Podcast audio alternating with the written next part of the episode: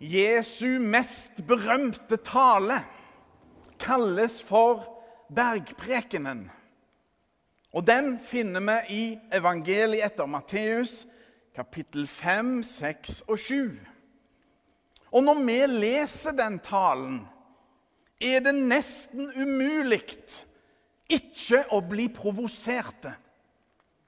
For det er ganske sterkt, ja, nesten urimelig, det Jesus sier der. Bare hør. La oss høre Herrens ord. Gud være lovet. Halleluja, halleluja, halleluja. Det står skrevet i evangeliet etter Matteus. Jesus sa, 'Dere har hørt det er sagt:" øye for øye og tann for tann. Men jeg sier dere, sett dere ikke til motverge mot dem, mot den som, som gjør ondt mot dere. Om noen slår deg på høyre kinn, så vend også det andre til. Vil noen saksøke deg og ta skjorten din, så la ham få kappen også. Om noen tvinger deg til å følge med én mil, så gå to med ham. Gi til den som ber deg, og vend ikke ryggen til den som vil låne av deg. Dere har hørt det er sagt, du skal elske din neste og hate din fiende. Men jeg sier dere, elsk deres fiender. Velsign dem som forbanner dere. Gjør godt mot dem som hater dere, og be for dem som mishandler dere og forfølger dere. Slik kan dere være barn av deres far i himmelen. For han lar sin sol gå opp over onde og gode, og lar det regne over rettferdige og urettferdige. Om dere elsker dem som elsker dere, er det noe å lønne dere for? Gjør ikke tollerne det samme? Og om dere hilser vennlig på deres egne, er det noe storartet? Gjør ikke hedningene det samme? Vær da fullkomne, slik deres himmelske Far er fullkommen. Slik lyder det hellige evangelium. Gud være lovet. Halleluja, halleluja, halleluja.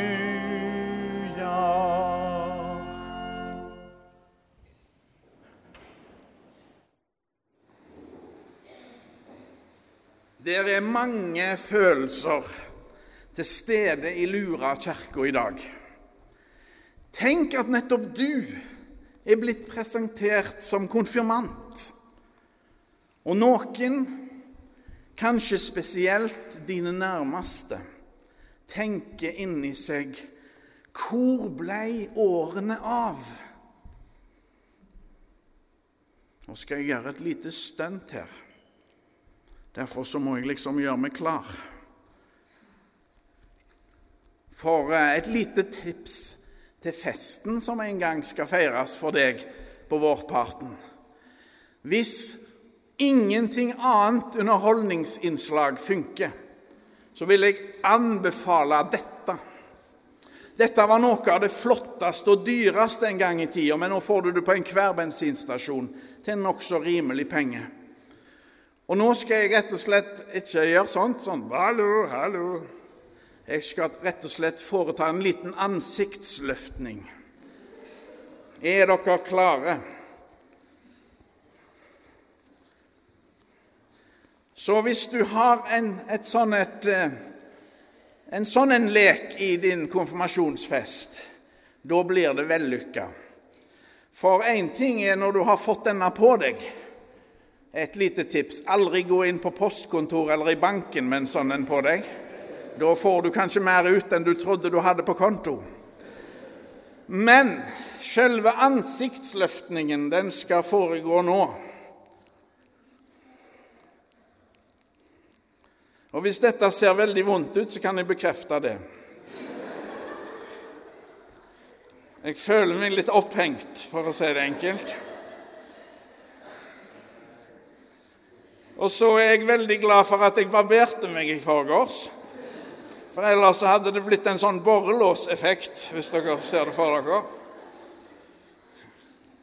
Nå føler jeg at jeg har gått meg litt vill. Men jeg kan anbefale dette for en veldig mye bedre blodsirkulasjon i fjesmuskulaturen. Oi sann, det var noe veldig, da.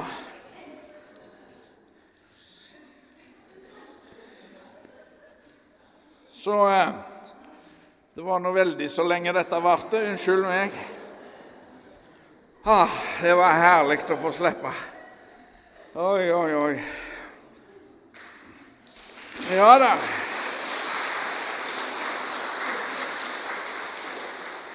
Nå forstår dere kanskje hvorfor jeg tok av meg denne bøylen, for den hadde gått med i dragsuget, tror jeg. Hvis en nå kan se på dette som jeg nå nettopp gjorde, som at jeg hadde på meg ei maske, så kan det være en grei innledning. For hvem er du og jeg egentlig bak maskene våre? Hvem er vi da? Er vi redde og små? Eller er vi modige og store? Kanskje begge deler. Hver til sin tid. Hvem var Jesus? Jo, han var den som sa, 'Men jeg sier dere' Jesus kom med noe helt nytt. Kjærligheten erstatta hatet og likegyldigheten.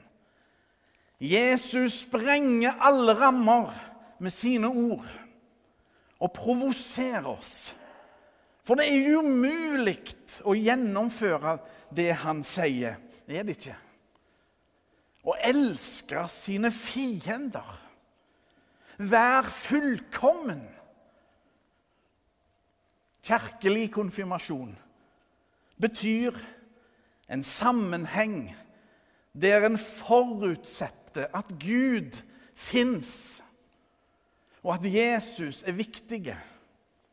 Og hvis Jesus virkelig er ekte vare, da snakker vi om et ganske annet verdensbilde enn det vi ofte har. Da er Gud og Jesus midtpunktet i tilværelsen. Alt begynner der.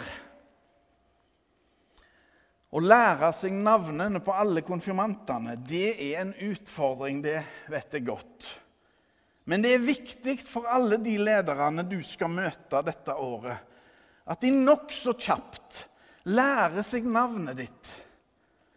Når vi blir døpt, sies navnet vårt høyt ved døpefonten.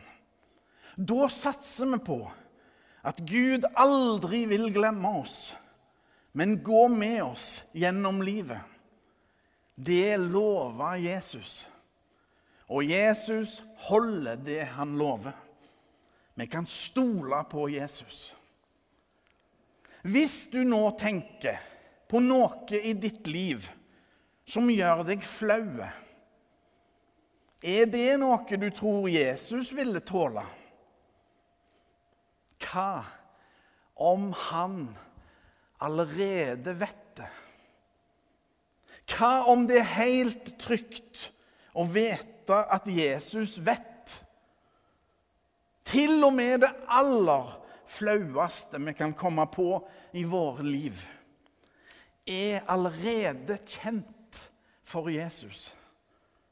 Jesus vender oss aldri i ryggen, sjøl om han vet alt om alle. Hvem var Jesus? Var Jesus et godt menneske? En kloke person har sagt enten var Jesus gal, eller så snakket han sant. Gjør han ikke til et godt menneske? For dersom han var en bedrager, så har han jo lurt utrolig mange mennesker.